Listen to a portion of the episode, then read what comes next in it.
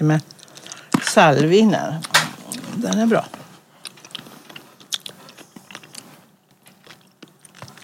Mm, jag älskar att ha folk tugga på sånt nu när man... Det låter rätt mycket. Ja, det låter rätt mycket. Jag, tog, jag tog just ur den. Mm, Okej. Har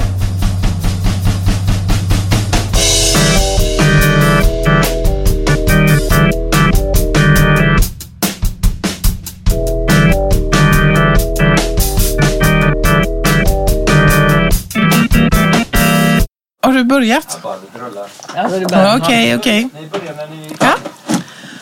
Ja, hej Annika. Hej, Lena. Nu ska vi Är du här? Ja, jag är här. Nu ska vi in i våra narcissistiska bubbla igen. Ja. Mm, sitta här och prata fram och tillbaka. Idag ska vi prata om sorg.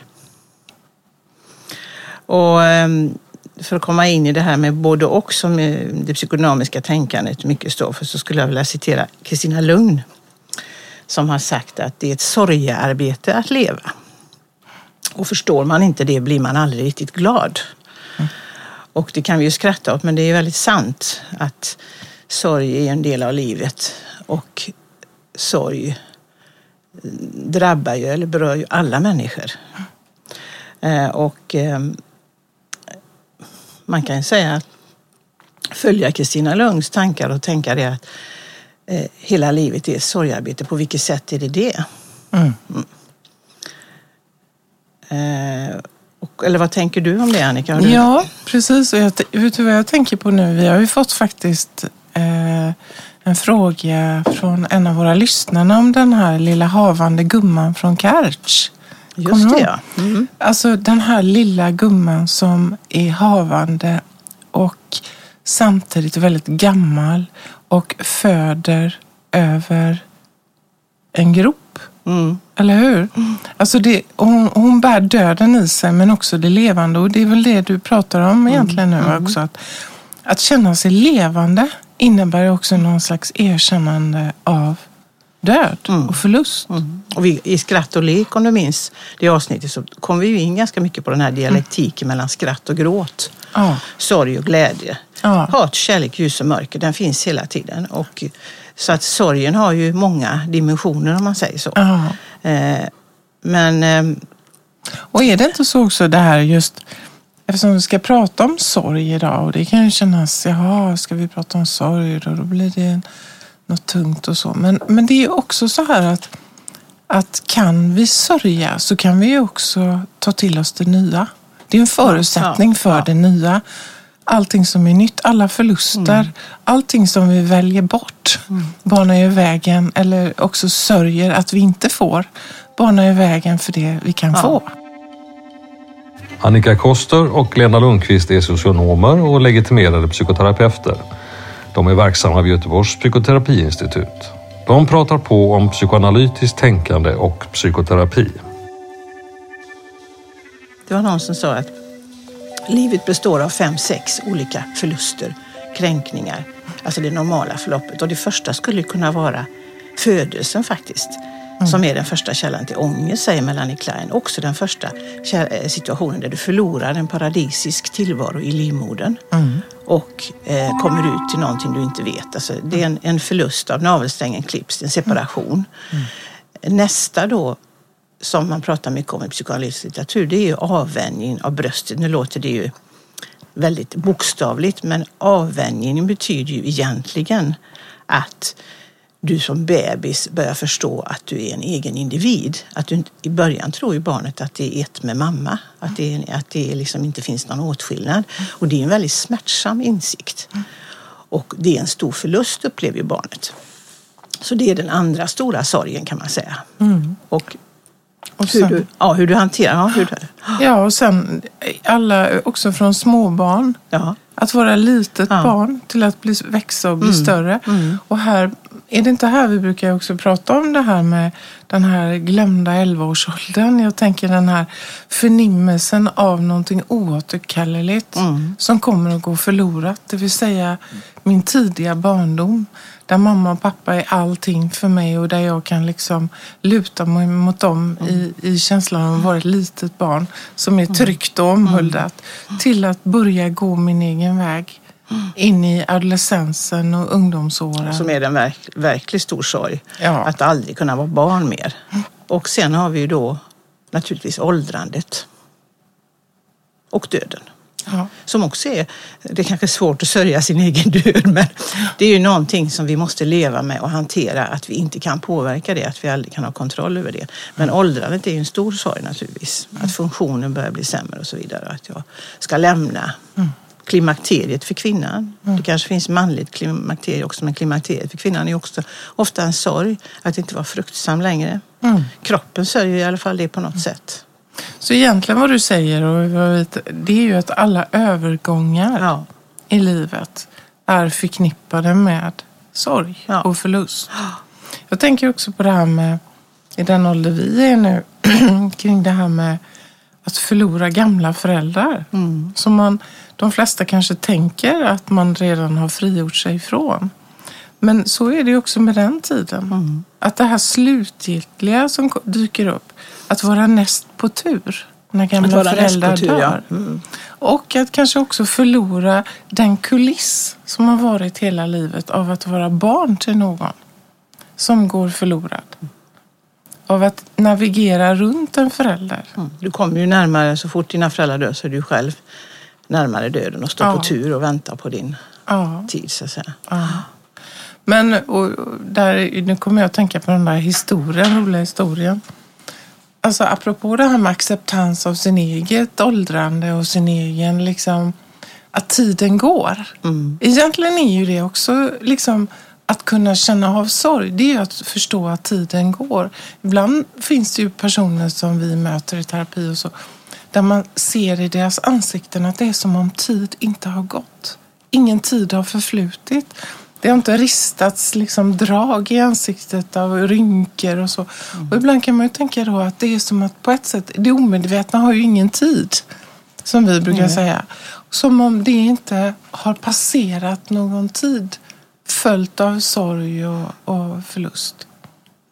Vad var det jag Det säga det tror jag Kristina Lugn som också har sagt någonting om att det måste synas att jag har levt. Ja. Alltså apropå att ta bort rynkor och försöka förändra och hålla sig ung till varje Ja. pris. Det är också att på ytan så att säga försöka ta bort det som Stoppa talar om tiden. Ja, och även det som kanske talar om att det finns erfarenheter och att jag har levt. Det sitter ju också i ytan lite grann. Jo, nu kom jag på den historien. Det var ju de här, det var för länge sedan jag såg någon sketch om att det var tre syskon i 70-årsåldern som skulle begrava sin nästan 100-åriga mamma. Och så kom de till begravningsentreprenören. Det- det det Har du tror hört jag. det? Jag tror det är Lorry. ja. Och så frågar begravningsentreprenören, ja, vad vill ni att det ska stå i begravningsannonsen? För text under då. Jo, ja, vi skulle vilja att det stod varför. Just det, den är bra. Det är också en bild av det här Ja. liksom tidlösa. Att vara litet barn fortfarande. Varför dör mamma? Men det är, nu kommer jag att tänka på den här babusjkan, den här ryska dockan. Ja. som är så fin för den illustrerar ju att vi har alla våra åldrar i oss hela tiden. Ja. Och så plockar man ur den ena dockan efter den andra. Men det är ju också det att eh, hur, hur kan jag internalisera den ålder jag faktiskt är i? Det är ju inte helt lätt. Att liksom, eh, för det kräver ju också en viss sorg att se sig själv som den man är. Eller Ja. bli skrämd när man tittar sig i spegeln. Oj, är det jag? jag tror, eller när man möter människor som är i ens egen ålder och man tycker de ser gamla och rynkiga ut. Och så tänker man sen, om man efter ett tag kanske, att ja, men det gör ju jag också. Fast först är det svårt. Och det är ju en del av det här som är i själva sorgeprocessen med den här realitets... Att realiteten slår en i ansiktet, eller hur? Som också... För vi kommer ju komma in på Freud. Men, men ett sorgearbete Mm. Ja, innebär ju att ständigt bli påmind om förlusten. Att den slår en lite då och då. Så en sorgeprocess är en böljande process. Och den är liksom som Freud säger, att man bit för bit Ja, så att säga, tar till sig. arbetar med, det, om det nu är en förlust, det döda objektet på olika sätt för att slutligen så att säga behålla någon, göra det till en del av sig själv. Ja. Eh, Och eh, det är ett långsamt arbete ofta och sorg idag får inte ta tid. Ingenting får ju ta tid egentligen. Sätt ord på det, säger sorgecoachen i Ropsten. I Ropsten. I Ropsten. Gråt. Låt det komma ut, prata om det och det kommer att kännas bättre. Det känns sämre. Jag vill hem. Dikt av Bodil Malmsten. När du pratar om sorg så kan du ju inte undgå att prata om depression, melankoli. Freud använder ju begreppet melankoli för att beteckna ett sjukligt tillstånd som vi idag då kanske kan översätta till djup depression. Mm. Eh, han, han, skrev ju den artikeln Sorg och melankoli redan 1915. Ja. Ganska tidigt. kom ju ganska snart efter den vi pratade om förra gången, om mm. narcissism, att det hänger ihop lite grann. Mm. Eh, och det han gör där, den är ju väldigt känd den här artikeln, det är väl en av hans mest omhuldade artiklar. Eh, det är att han jämför eh, sorgen och melankolin, de tillstånden hos människan. Och egentligen är de ju väldigt lika. En, en människa som sörjer och en person som är djupt deprimerad är förstämda, ofta väldigt låg aktivitet, mm. eh, hämmade, är svårt att koncentrera sig, ointresserade av omvärlden mm. och av det mesta faktiskt. Mm. Men det som är den stora, stora skillnaden då, enligt Freud, det är ju att i melankoli så är du i jaget också väldigt eh, ointressant och värdelöst. För han säger ju så här att hos den som sörjer så har livet blivit meningslöst och världen utanför meningslös. Men för melankoliken så är också världen och livet meningslöst. Men också jaget, jag själv är också meningslös och värdelös. Ja. Och det är en oerhörd skillnad. Så vad, precis så man, man tänker, så vad han säger där det är ju att i melankolin så är självkänslan påverkad. Ja.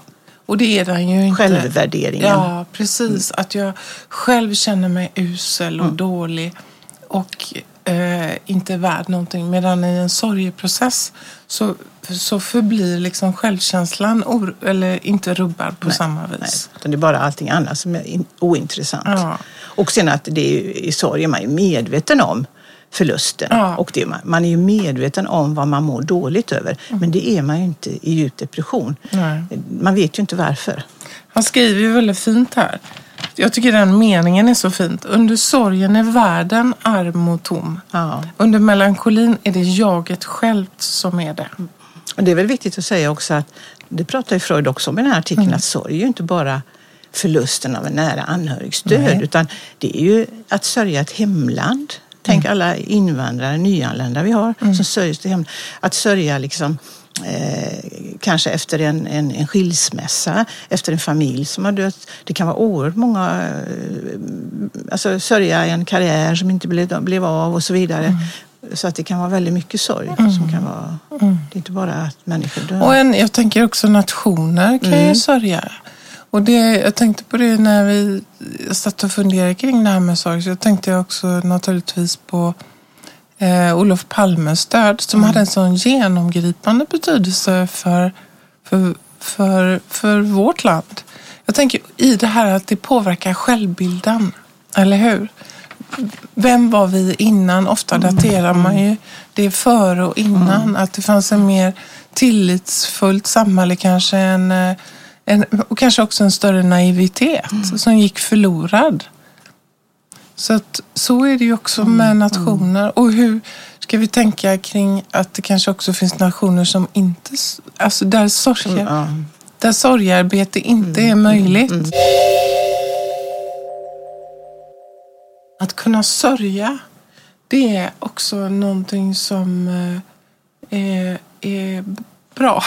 Alltså att kunna faktiskt... Förmågan att sörja. Förmågan att kunna mm. sörja.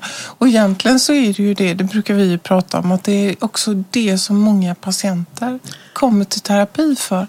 Att faktiskt få lov att vara i en situation där sörjandet blir möjligt. Mm.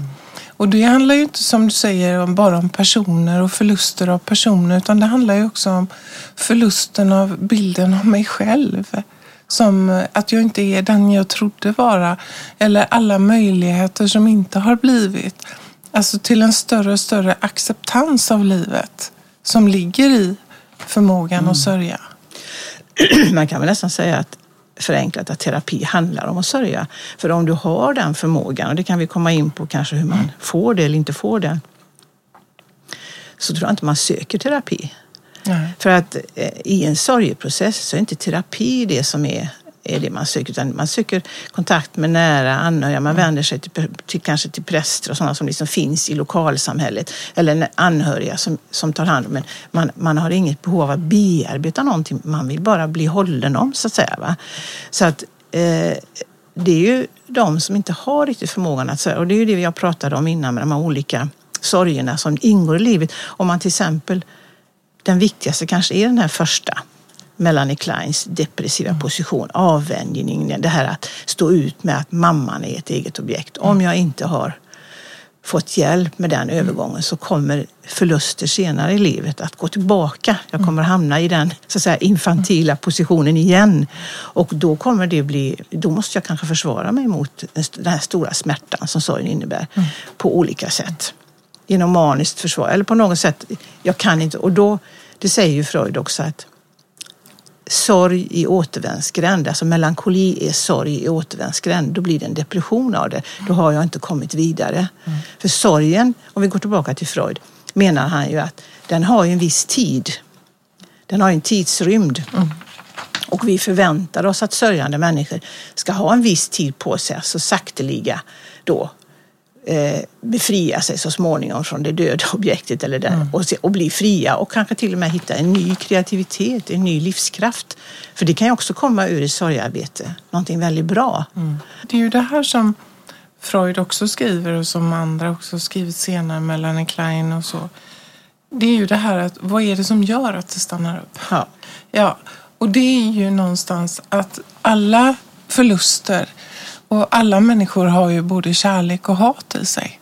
Som Melanie Klein skriver. Så, och i det, att om inte, om inte så att säga, hatet har fått artikuleras i en relation eller att jag inte har varit medveten om den aggression som jag också hyser mot objektet som vi kallar eller så, så blir det svårt om inte det är medvetet så att säga och inte tillåtet. Och risken är att jag riktar det hatet tillbaka in mot mig själv. Så egentligen det som gör att man får svårt att sörja, det är många gånger aggression. Som riktas in mot mm. mig istället. Mm. Det är ja, jag det är, som är usel, ja. det är jag som är dålig. Mm. Istället för den liksom, naturliga, mm. för så är det med alla mm. sorgeprocesser. Att de innehåller ju också väldigt mycket aggression. Ilska. Och mm. ilska över att eh, över allt, säg en föräldrar-barnrelation, över allt som inte har varit, allting jag inte fick. Att jag måste också liksom processa det inuti för att också finna kärleken. Så det där är ju... Och det har ju också att göra med att all, all kärlek i all kärlek finns en ambivalens. Det har vi pratat om tidigare.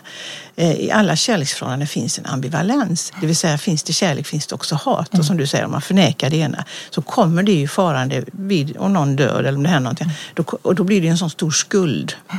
För att jag känner det. Om mm. inte jag har tillåtit mig det tidigare så blir ju det nästan o övermäktigt för mig när, om personen har dött till exempel. Utan, och då kan jag liksom inte hantera det och då måste jag rikta det mot mig själv. Mm. Så det har att göra med hur mycket jag har kunnat se till exempel mamma och pappa som både bra och dåliga. Mm. Avidealiserat dem. Mm. Eh, om vi tar det förhållandet, även din partner. Det spelar ingen roll vem det är. Om du, om du har äl, försökt älska någon mm. trots att den är dålig också. Mm. Att någonting är både bra och dåligt och ändå älskvärt. Mm. Det är det som är Kleins depressiva position. Att förstå och det som då händer kanske redan när barnet är runt ett halvår att jag, mamma är både bra och dålig men ändå älskar och hon älskar. Att det, finns, det är inget farligt med det. Nej, och hon är skild från mig. Hon är skild från mig. Ja, och det är ju det som är separation. Mm. För att mm. det pratade vi om mycket om i ungdomstiden. För att komma loss, mm. för att kunna se att vi är två subjekt eller två personer här mm. mellan barn och förälder till exempel, så, så behövs aggressionen också för att liksom definiera gränsen mellan mig och den andra. Mm. Och i det, om det är svårt, så kom, precis som du säger Lena, så kommer ju det tillbaka som en skuld. Ja. det är jag som tänker så. Och här tänker jag på många av de här ungdomarna som vi stöter på och som vi också hör talas om mycket när vi handleder. Av de här ungdomarna som inte kommer loss hemifrån. Som blir kvar i någon slags eh, tillvaro där man varken kommer åt det ena hållet eller det andra. Man sitter hemma och spelar kanske. Man tar inte det där steget ut i ett eget liv. Och det är ju ofta frånvaro av eh, aggression och separation. Mm. Hemmasittarna, ja. ja. Mycket aggressivitet under det. Ja. Så för egentlig separation så krävs mm. ju sorg. Mm. Att inse, mm. jag, jag kommer aldrig vara det lilla barnet mm. längre. Jag har inte den mamman jag tänkte, jag har inte den pappan. De är sannerligen både och. Och då kan ju det goda komma tillbaka så att säga. Ja, man brukar ju säga det att i och med att eh, adolescensen, puberteten är en sån stor sorgeperiod så att om man har någorlunda lyckas med det någorlunda okej okay, så blir det också lättare. För det är ju det vi pratar om nu. Att om de här processerna har löpt på någorlunda good enough så blir det lättare för mig sen att hantera livets stora sorger som jag kommer att mm. råka ut för. Att mina nära anhöriga dör, att jag skiljer mig. Att, då kommer det bli lättare att ta mig. Då kommer jag klara det sorgearbetet bättre. Mm. För att det är ju det också som man säger vid eh, också det med vid melankoli, djup depression, att det handlar alltid om en tidig förlust i botten av ett bra objekt, en tidig förlust. Och när då senare förluster inträffar, då ramlar jag tillbaka dit. Och då kan jag inte gå vidare. Så det är det som är, är så under... Jag brukar säga ibland att depression är ju ingenting, det är bara ett lock på en massa starka känslor ja, som precis. inte har fått vara. Ja. Eh, för deprimerad är du inte heller glad, mm. apropå Kristina Lungs citat. Mm. Det, är, det är jämnt skägg liksom. Mm. Och jag tänker när man talar om barn och dep deprimerade barn Eh, och där, där kommer du ihåg den här boken Kärlekens roll och Sugerad mm, ja.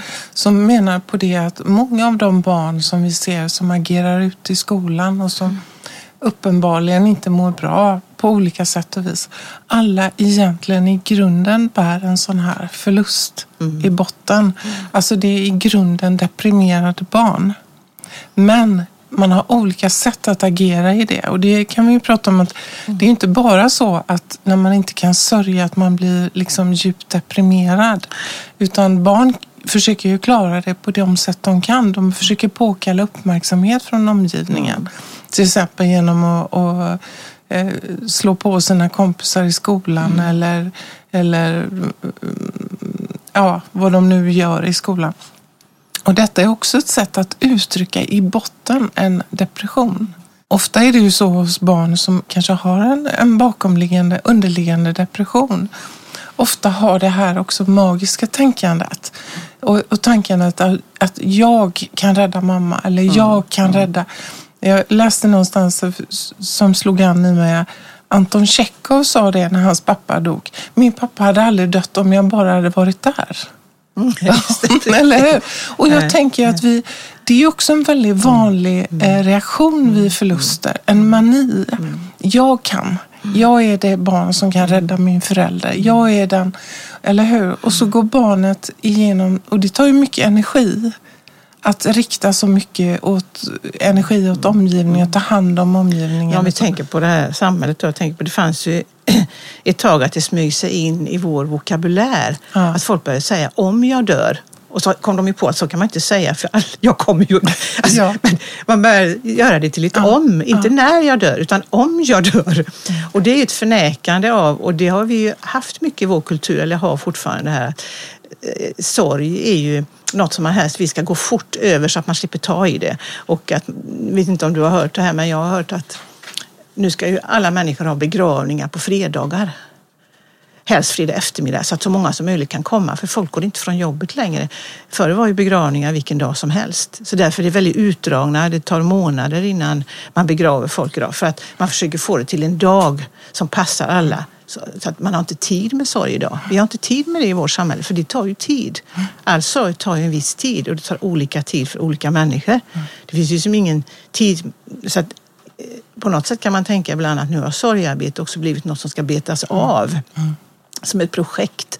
Och jag ska göra det olika, det pratas om faser och sånt där. Och den eh, chockfasen och nyorienteringsfasen och så vidare. Va? Att det har blivit ett projekt i sig istället för att det är helt unikt för varje människa hur man hanterar det. Det finns liksom inga regler och det går inte att göra.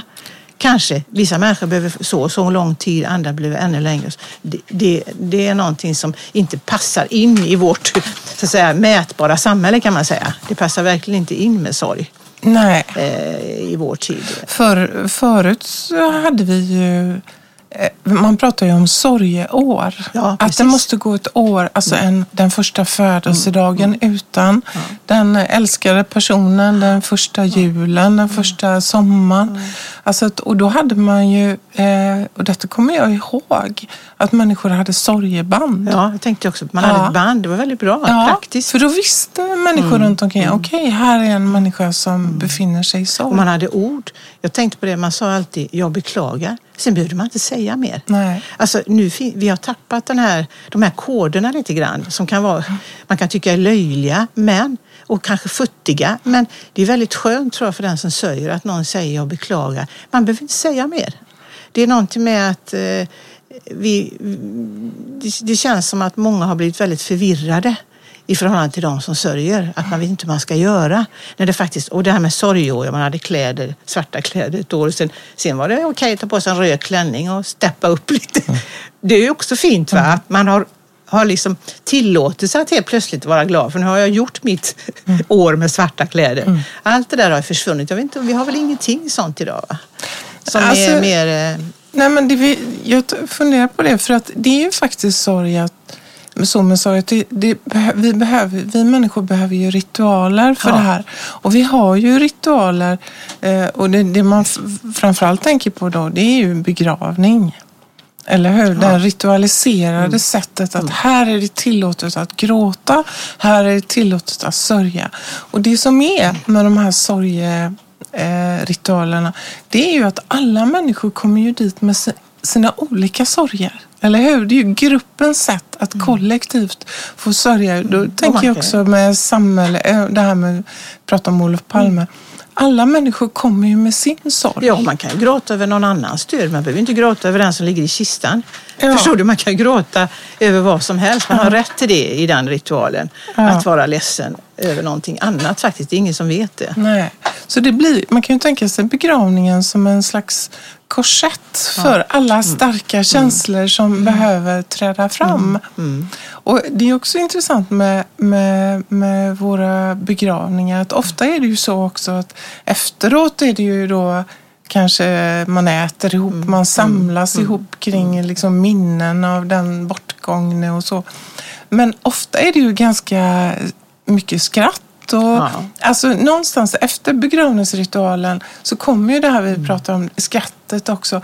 Och faktiskt kanske också de överlevandes triumf. Mm. Eller hur? Ja. För det ska vi inte glömma av. Mm. Att vid förluster ja. så finns det också en triumf. Överlevnadstriumf. Ja, mm. och man vet ju, jag läste någonstans att vi vet mm. ju det att kring liksom mm. Begravningar eller mm. eh, förluster i mm. familjer så, så föds, föds det ofta nya barn. Mm. Alltså att kärlek, eller det här med liv och död liksom följs åt. Så att nära anslutning till, till förluster så brukar också det födas fler barn. Visst, men det, jag tänkte också det apropå det finns ju överlevnadstriumf men det finns också överlevnadsskuld. Jag kommer ihåg i brandkatastrofen, då jobbade jag ju på ungdomsrådgivningen och tsunamin och de här stora katastroferna. Då trodde man att det skulle komma väldigt många. Men det gjorde ju inte det i första skedet för de vände sig åt andra håll. Det kanske var långt senare som det kom. Men det, där fick man ju träffa väldigt många som hade den här överlevnadsskulden. Mm. Alltså att jag var den som hade klarat mig mm. från Estonia eller tsunamin eller brand. Och att det, det tog ju död på en del. De blev helt förstörda apropå det här med skuld. Då blev skulden övermäktig. Ja, precis. För att eh, det skulle varit jag. Det skulle varit, mamma och pappa ville att det skulle varit jag istället. Ja. För de älskade min syster mycket mer och sånt här. Ja. För att det ska vi komma ihåg att i sorg ingår ju alltid skuld och och anklagelse mot en själv. I normala sorgarbete ja. så anklagar man sig. Man kunde sagt något annat, man kunde gjort någonting. Eller besökt gamla ja, mamma men även då, den, i det inre livet. Man kan anklaga sig mm. för att man har haft hatiska tankar mot en förälder till exempel eller mot en partner och man kan anklaga sig själv. Så det ingår i normalförloppet. Men har du med dig den här basen mm. av grundläggande tillit ja. som Klein pratar om, som andra pratar om Eh, till ett gott objekt, då kommer du att arbeta dig igenom det så sakteliga mm. och kanske behålla en ljusare bild mm. av den här eh, personen som är borta. Va? Den lilla älskade mamma som jag minns från min tioårsålder skiljer sig inte längre från den fientligt sinnade kvinna som förtryckte mig under min pubertetstid.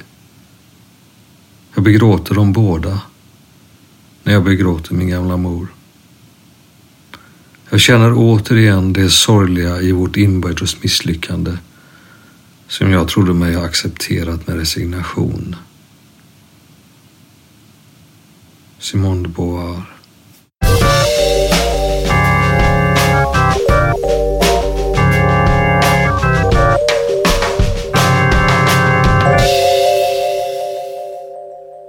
Men det var någonting, jo för jag tänkte på det här med sorgeprocess också. Mm.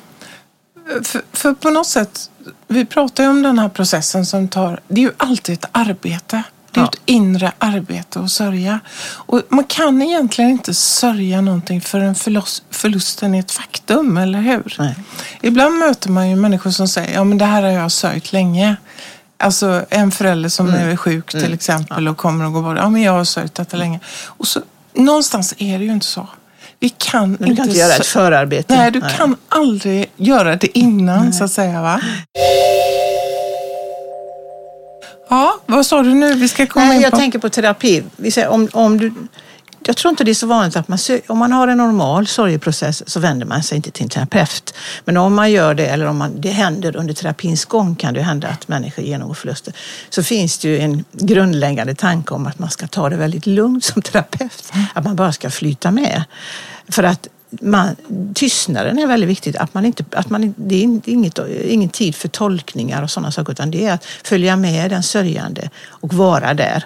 Nu menar du en person som kommer i akut sorg? En, en, en, person ja. som är i sorg ja. kanske inte söker terapi men det kan ju hända att du har en mm. patient pågående terapi mm. där personen drabbas av sorg och då mm. ingår det i den mm. terapeutiska processen. Och då, eh, eh, men däremot så har vi det här andra att när att terapi handlar om att lära sig sörja. När du kommer i någon form av depressivt tillstånd, eller, då är det ju att hjälpa till att, så att säga, återupprätta objekten faktiskt. Mm. Det är ju det vi jobbar med väldigt mycket. Att hitta, jag brukar säga att terapi handlar ibland om att få en liten bit mamma med sig mm. när man går. Mm. Alltså man måste få in något, de goda objekten måste överväga på något sätt när terapin är slut för att jag ska kunna återfå förmågan att sörja.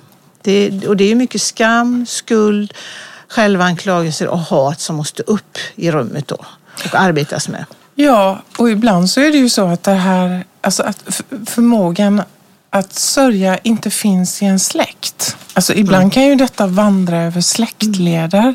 Jag tänker just på de här familjerna som när vi får in patienter som har mycket i sin historia av det här pratar vi inte om familjer. Alltså det här när man inte har bearbetat och smält förluster, kanske självmord som har skett i familjen eller övergrepp eller när saker och ting bara har skjutits åt sidan utifrån en devis på något sätt av att det man inte pratar om, det mår man inte dåligt av. Men hur massivt det kan också vara när det kommer in i rummet. Och då sätter det väl sig ofta i kroppen istället. Ja. Jag läste någonstans nu, väldigt intressant, om det här med det korsvisa den korsvisa rörelsen mellan somatiska eller psykosomatik och depression. Mm. Att när jag helt plötsligt får väldigt ont i kroppen då i form av värk eller så är jag inte lika deprimerad. Mm. Men sen när jag blir mer deprimerad då mår jag bättre i kroppen. Mm. Att det skulle finnas någon form av dialektik där. Mm. För att det är klart, mycket åkommor vi har är ju, som är, kommer ju från... Eh, alltså depression sätter sig också i kroppen, det vet vi ju. Mm. Men vad jag tänkte säga var ju också att när sådana här när det kommer, en person kommer till terapirum som kanske bär en hel släkts liksom, ja. icke-sörjda mm. sorger mm. och den sorgeprocessen så småningom kan ta plats så innebär ju det också att historien tar slut där. Mm. Det vill säga att det som har förts över från generation till generation.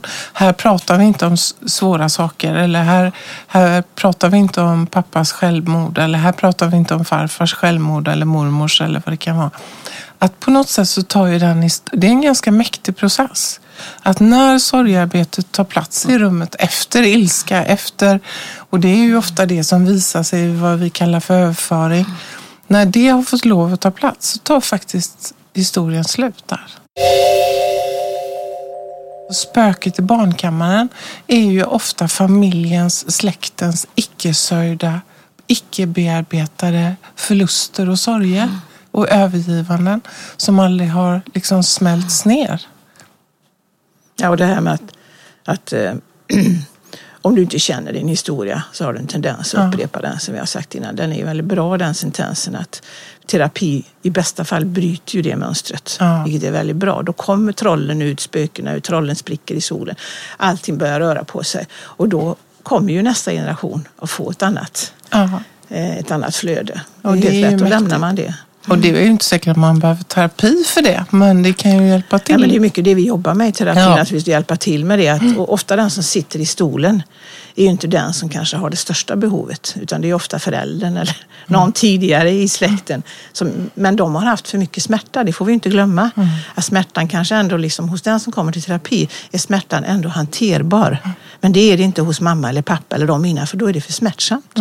Det kan vara för smärtsamt att möta detta, det måste vi respektera. Mm. Eh, därför så är det inte så lätt att gå i terapi. Mm. Eh, när man har sådana här släktled av mm. starka förluster och mm. svårigheter.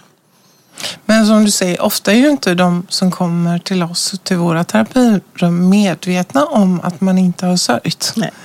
Utan, och, och, det är ju inte alltid vi är medvetna om det till en början heller. Utan det är ju saker och ting som, som liksom sakta avtäcks på något sätt i terapirummet. När man, ins, man hör att, att separationer inte har ägt rum eh, på olika sätt. Jag mm. tänker bland annat på den här... Det kan ju vara så att man kommer in och så börjar man som vi alltid gör, frågar om bakgrund och mm, familj och så. Och så hör man ibland, jo, jag hade en underbar barndom. Mm. och någonstans så vet ju vi i våra... Hur, fråga, hur säger vi då? Ja. Hur säger vi, på vilket sätt var den så underbar? ja. Kan man möjligen säga. ja, men man, man, man kan ju nästan då känna, oj, hur... Eftersom alla bakgrunder är ju både och. Mm. Eller hur? Apropå det här med ambivalens och mm. Så där anar man ju då att det finns ett behov mm. av att förneka. Mm. Nu tänkte jag på den här, apropå familjen, den här boken också, Vigdis Hjort. Kring ja, det här. Det, arv och miljö. Mm. Ja, precis. Där, där den här liksom split byten sker också. Mm. En del av familjen närmar sig det som har mm. hänt och vågar mm. sörja. Kanske ja. en del i syskonskaran. Ja. Medan de andra syskonen fortsätter att förneka mm. att någonting har ägt rum. Det var 50-50 där va? Ja. I den här eh, familjen då, mm. det är ju en norsk författare, mm. som menar att ett övergrepp har ägt rum. Ja. Och några syskon tillerkänner och säger ja, det har hänt. Mm. Medan en annan del säger nej, mamma och pappa var jättefina. Mm. Det har inte hänt. Mm. Och det är ju en bild på något sätt mm. av det som vi pratar om med Melanie Klein, av det här schizo... Ja. Det som vi kallar den schizoparanoida positionen. Mm. Det klyvda, mm. där kärlek och hat inte är liksom integrerat. Ett objekt måste antingen vara älskat eller hatat. Det går inte att vara både och. Nej. Nej. Och när man känner lite hat mm. så tar man bort det mm. till förmån för det goda. Jag tänker i terapi också, så måste vi ju säga att själva terapiprocessen är ju också en form av sorgearbete där du ska avsluta. Ja. Och förhoppningsvis kan du göra det på ett annat sätt där. Mm. Tillåta dig den sorgen och vara i den sorgen. För att det är ju så att det är smärtsamt att sluta en terapi också. Mm. Och det har sin gång, den mm. sorgen att det här kommer ta slut. Mm.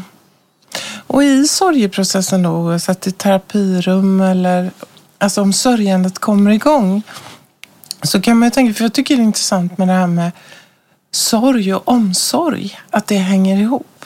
Eller hur?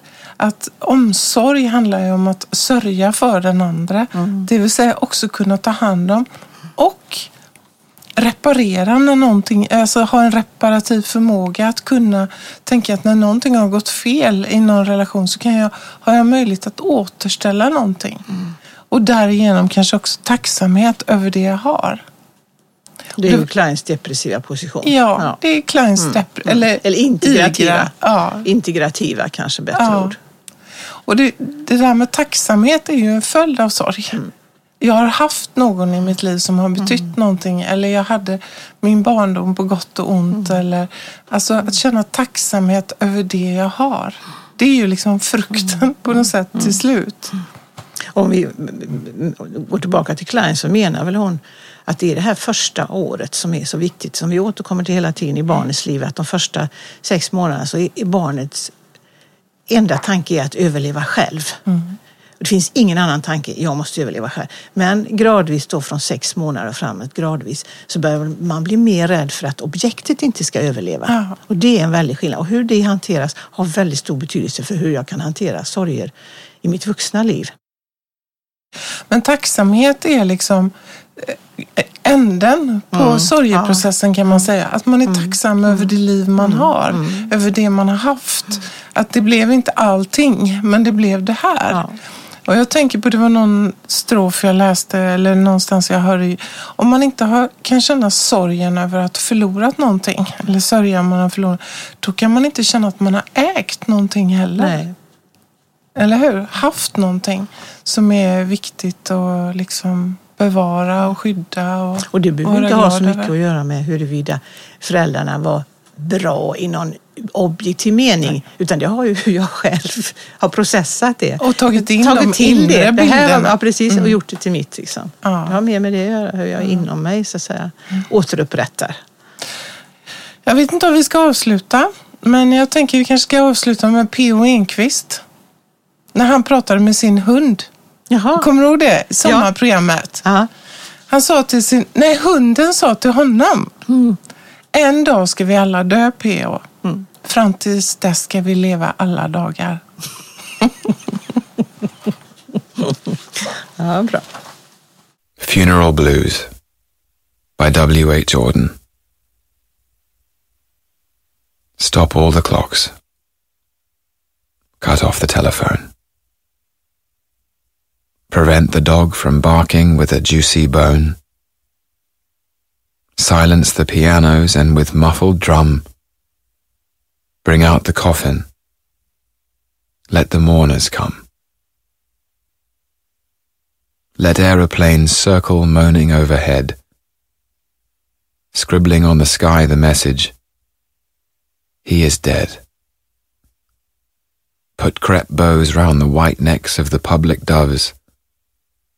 Let the traffic policemen wear black cotton gloves.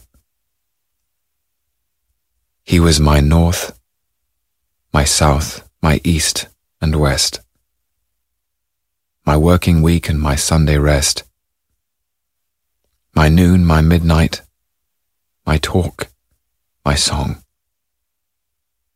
I thought that love would last forever. I was wrong. The stars are not wanted now. Put out every one. Pack up the moon and dismantle the sun. Pour away the ocean and sweep up the wood for nothing now can come to any good.